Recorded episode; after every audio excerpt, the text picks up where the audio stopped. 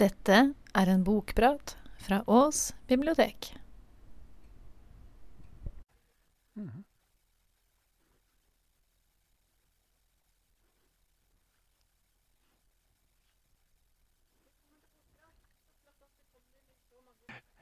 Eh, Jeg får si kanskje litt om meg selv da, først. Jeg eh, har bodd på Nesodden i eh, 60 år. Og de siste 30 årene har jeg skrevet en del lokalhistorie der ute. For eh, fem år siden så fant jeg ut at jeg ville prøve å skrive en krim. Og den skulle være lokalhistorisk. Den skulle handle om forbudstiden. Altså den tiden da det var forbudt å selge sprit i Norge på 20-tallet. Og den skulle være lokalhistorisk korrekt så langt som mulig. Men så spant jeg et plott da, på toppen av det.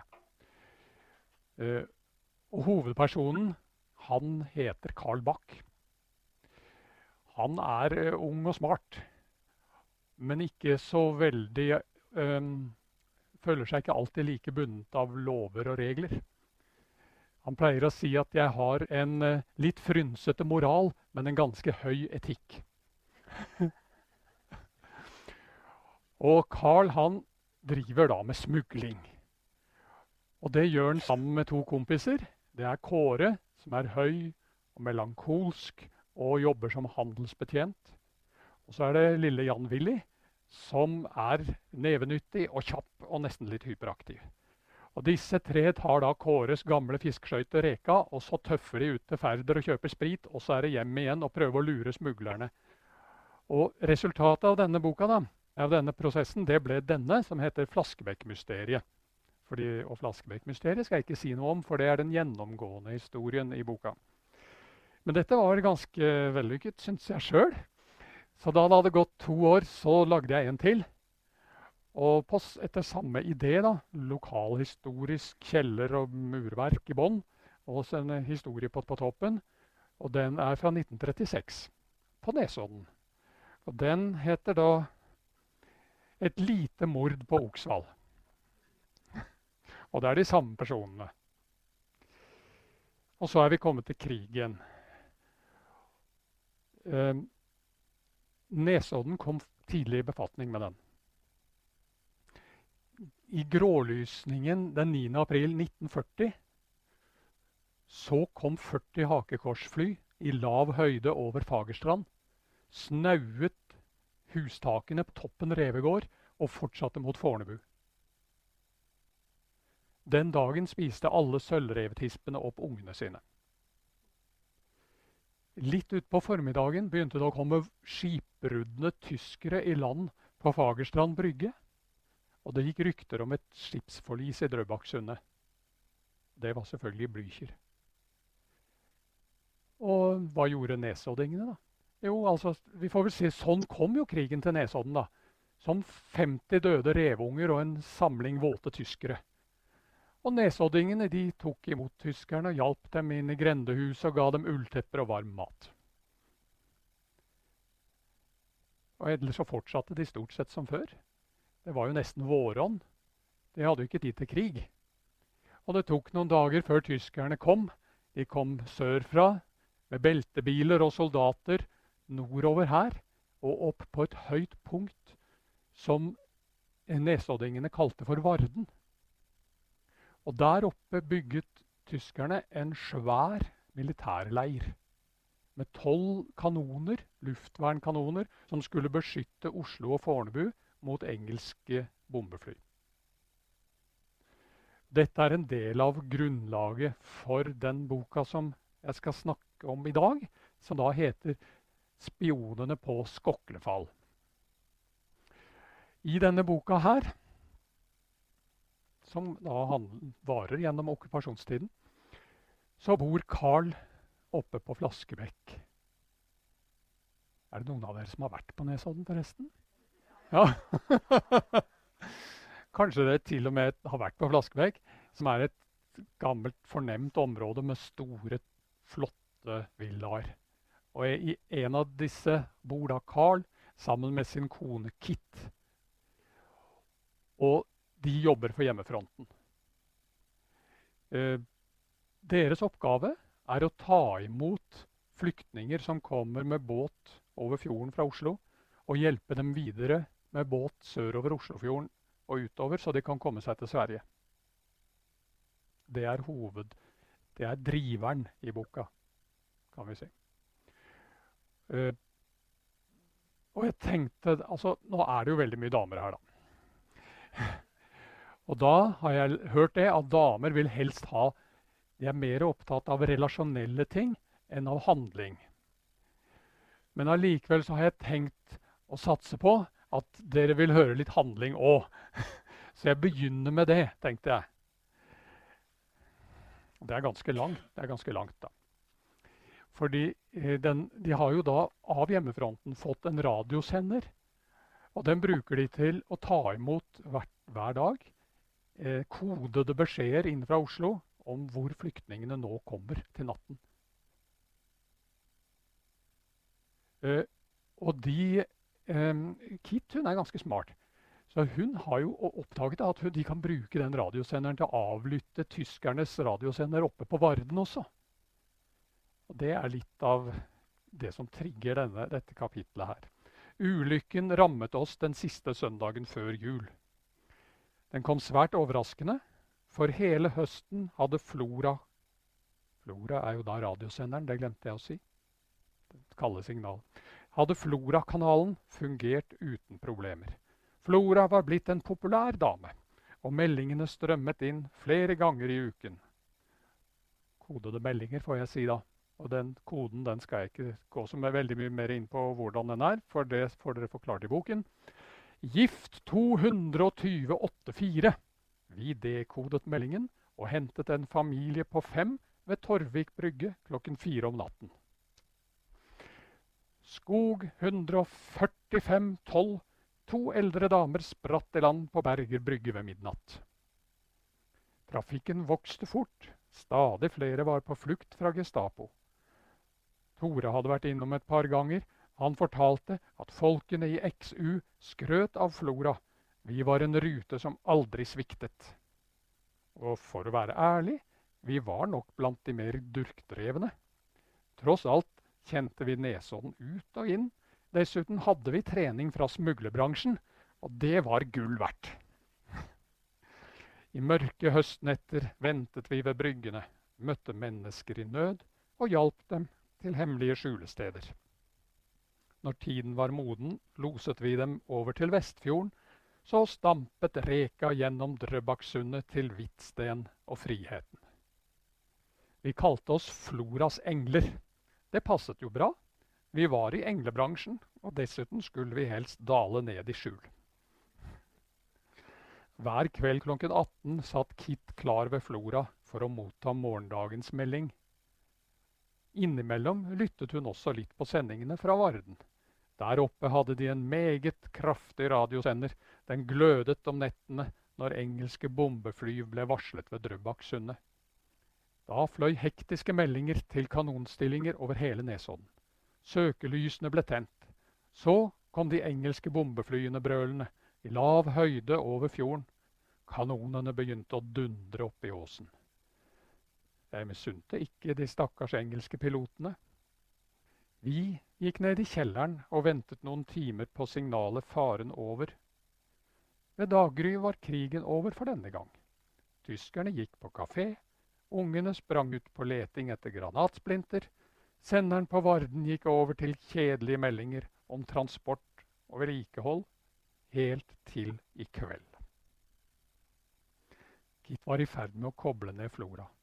Hun tok et siste sveip innom senderen på Varden, og plutselig så jeg at hun stivnet til og bøyde seg fremover. Fort rakte hun meg den ene øreklokken. En tørr, tysk stemme sa høyt og tydelig Sørby diesen Abend. Kit bråsnudde mot meg. Sørby? Det er en av bryggene på Nesodden. Et øyeblikk stirret hun forskrekket på Flora. Så gled blikket over til arket med gårsdagens melding. Den lå ferdig dekodet på bordet foran oss. Jøfjell 4272, som betød flyktninger klokken to til brygge 7. Sørby brygge. Kit lente seg bakover i stolen. Til slutt gikk det alt så galt, sa hun stille. Sørby, gjentok jeg. Noen har lekket. Kit rynket brynene. Kan de ha knekket koden vår? Jeg ristet bestemt på hodet. Nei, den er bomsikker, men det hender jo at folk røper seg, og noen sladrer. Kit la en hånd på armen min. Vi må få advart dem. Umulig, svarte jeg. De sitter nok allerede klare i en båt og venter på natten. Kit kastet på hodet. Hun fikk et bestemt drag over haken. Noe må vi da kunne gjøre, Carl. Kom igjen, bruk ditt gode hode. Hva ville din fyrje tante Berthe ha gjort? Tante Berthe? Jeg måtte nesten le. Hun ville ha blåst i basunene og mobilisert alle erkeengler, svarte jeg kontant og kastet et blikk opp mot de høyere makter. Akkurat nå kunne vi trengt litt hjelp fra den kanten. I det samme slo en salig tanke ned i hodet mitt. Den hadde hvit prestekrage. Ti minutter senere freste vi oppover Flaskebekkveien på Nidarosen. Merkelig nok hadde tyskerne latt meg beholde denne gamle motorsykkelen. De hadde jo ellers forsynt seg med de fleste kjøretøyene på Nesodden, men en gammel norsk motorsykkel fra 1920 ble vel ikke regnet som kjøretøy. Det var barfrost og is på søledammene da vi passerte torvet og svingte av mot Nesodden kirke. Vinduene i prestegården var mørke, men jeg kjente presten. Han var ung og kraftfull og tålte nok å bli vekket for en god sak. Han skulle få hovedrollen i nattens lille teaterforestilling, hvis han var villig. Jeg hadde to gode grunner til å spørre ham. For det første var han hemmelig medlem i motstandsbevegelsen på Nesodden. For det andre hadde han bil. Vi får ta litt til. Klokken ett det får jeg si, da. Presten var medlem i motstandsbevegelsen på Nesodden. Han gjemte våpen på kirkeloftet. Det var kar, det. Klokken ett lå vi klare bak buskene ved Sørby brygge. Det sto et kjølig drag fra fjorden, men vi var heldigvis godt utstyrt. I tante Bertes garderobe fra Sibir hadde jeg funnet en finlandshette og to gensere. Kit hadde gravd frem en hvit kosakklue. Den hadde svære øreklaffer så bare nesetippen stakk frem. En stor, hvit måne skimret som sølv i Bunnefjorden og lyste opp det doble bryggehuset. Nede i fjæra kunne vi høre bølgene som klukket sakte. Ellers var alt stille. Men vi var ikke alene.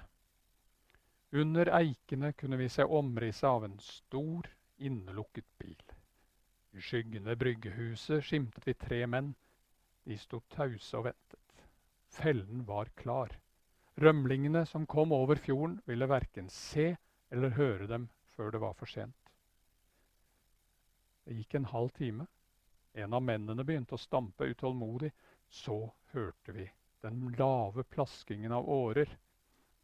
En båt var på vei innover. Tyskerne på brygga hadde også hørt lyden. De trakk seg stille inn i skyggen under trærne. Båten skrapte mot fjæra, og to personer kløv i land. Det var en kortvokst mann og en tykkfallen kvinne. Begge speidet spent omkring seg. De lurte nok på hvem som skulle bringe dem videre. I det samme ble hele brygga opplyst av en kraftig lyskaster. Høye stemmer kommanderte på tysk. Mannen ropte, det smalt et pistolskudd, fulgt av et lite skrik fra kvinnen. Tyskerne var effektive. På et øyeblikk var paret lempet inn i lasterommet på bilen. Døren smalt igjen, og bolten ble skjøvet for. Så brølte motoren, og fangetransporten gled sakte oppover bakken. I et byks var Kit og jeg ute av buskene og satte etter. Jeg har alltid vært kjapp i beina, og Kit er spenstig som et rådyr. Vi klarte nesten å holde følge. Heldigvis var Ørbyveien full av huller, så tyskerne måtte kjøre sikksakk i lavgir. Etter 300 meter motbakke hadde jeg blodsmak i munnen, og Kit gispet etter pusten. Så rundet vi svingen og løp nesten inn i to røde bremselys. Tyskerne hadde stanset bilen. Nå ble dørene åpnet, og vi hørte sinte stemmer. Meget stille snek vi oss nærmere. På tvers i veien, med forhjulet i grøfta, sto prestens bil. Det var tydelig for alle hva som hadde skjedd. Presten hadde kommet nedover bakken. Han hadde bråbremset for å unngå kollisjon. Dermed hadde bilen sklidd på barfrosten og havnet i grøfta. Nå sperret den hele veien. Vi hørte rasende tyske bjeff. Så hørte vi stemmen til presten. Han foreslo på gebrokkent tysk at de alle fire sammen skulle forsøke å løfte bilen opp på veien igjen. Et par minutter senere rygget presten i god fart oppover bakkene og ble borte. To av soldatene hoppet inn, og bilen startet. Tredjemann tok en runde bakover for å sjekke at fangene fortsatt forholdt seg rolige. Så hørte vi et rasende brøl. Jeg visste naturligvis hvorfor. Fangene var borte. Noen hadde løsnet den utvendige bolten og åpnet døren. Jeg smilte fornøyd, for noen, det var naturligvis meg. Det er ikke morsomt å være fangevokter når fangene dine løper sin vei. På sekunder var Sørbybakken full av høye tyske stemmer. En av dem skjelte og skrek. Det var nok sjefen. Han ville vel nødig komme tomhendt hjem til Varden. Nå speidet han omkring seg, og jeg visste hva han tenkte. Rømlingene hadde tre veier å velge mellom. Enten hadde de løpt nedover mot brygga for å berge seg i båten, eller de kunne ha løpt inn i krattet der det lå to sommerhytter. Men det var også en tredje mulighet. Brua over Sørbybekken og videre oppover i skogen. Et greit regnestykke. Tre veier og tre mann. Schmidt de hytten, bjeffet offiseren. Klinke zum fjord, snell! Så trampet han over brua og forsvant oppover stien. Jeg pustet lettet ut. Han hadde tenkt helt rett. Men han hadde nok ikke lest eventyret om de tre bukkene Bruse. Da ville han også ha tenkt på trollet som bor i mørket under brua. Denne natten hadde trollet fire hoder. Og resten av dette kapitlet forklarer hvordan de så berger seg videre. For de berger seg. Det skal gå bra.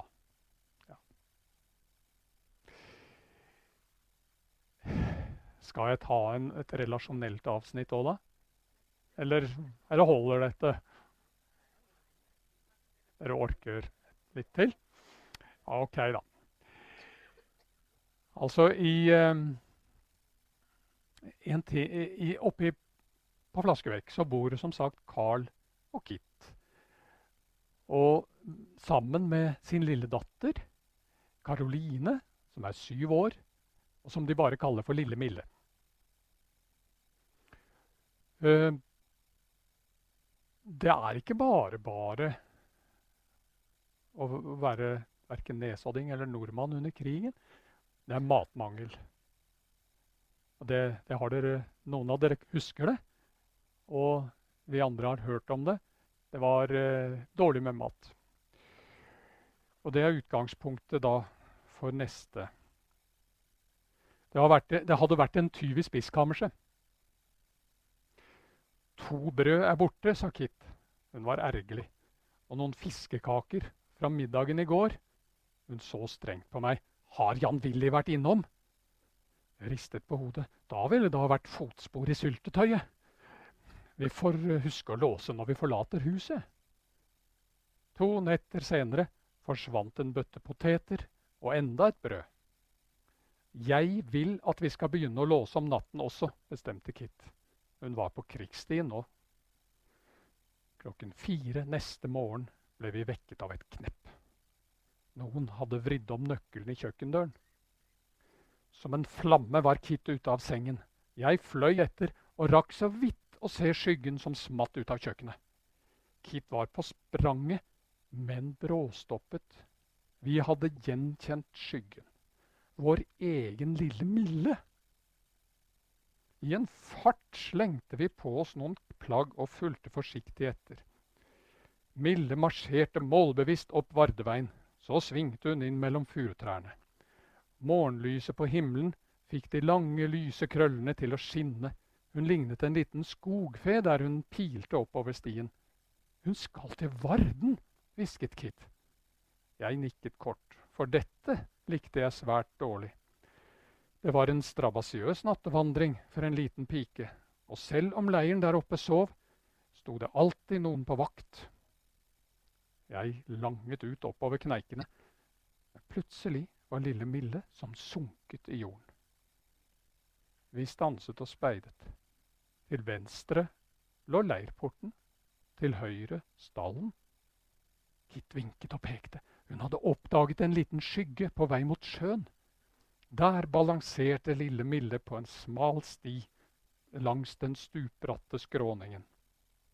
Langt under oss lå hyttebyen på Ildjernet med miniatyrhus og ørsmå lekebåter. Over oss pekte mørke kanonmunninger truende mot himmelen. Et stykke fremme, i dumpa bak leiren, kunne jeg ane konturene av et gjerde, og plutselig begynte jeg å forstå. Russerleiren, hvisket jeg. Vi hadde hørt om de russiske krigsfangene. Peder fortalte at de levde som slaver. Om dagen slet de med tungt anleggsarbeid i Vardenleiren. Om natten ble de låst inne bak piggtråden. Matrasjonene var minimale. Stakkarene levde på sultegrensen. Kit hadde bråstanset. Jeg oppdaget at lille Milde satt på huk foran gjerdet. På den andre siden dukket det fram en skygge. Det satt et menneske der og ventet. I et lite øyeblikk var det som om de satt der og snakket sammen. Så strakte plutselig skyggen ut en hånd gjennom piggtråden og tok tak i lille Mille. Kit reagerte som en løvinne. I to sprang var hun fremme ved gjerdet, grep Mille og trakk henne til seg. Det lød et lavt rop bak gjerdet. Så hørte jeg Kits hissige stemme. Hun snakket et fremmed språk. Deretter en fremmed mann som svarte. Så begynte de på en dempet samtale.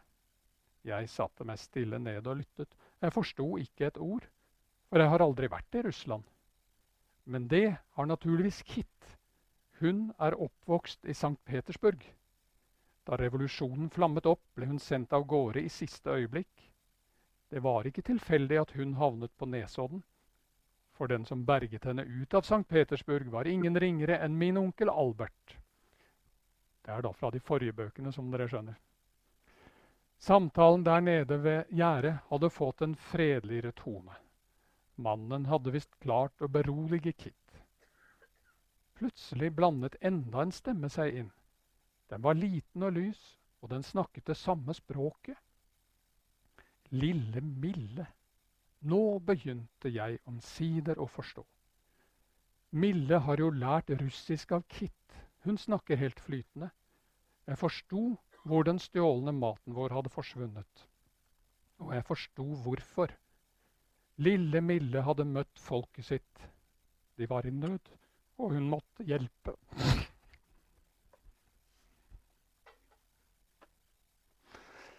Ja, jeg må innrømme at jeg blir litt emosjonell. Jeg,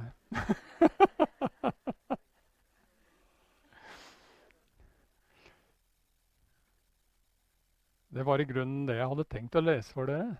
Mm. Mm.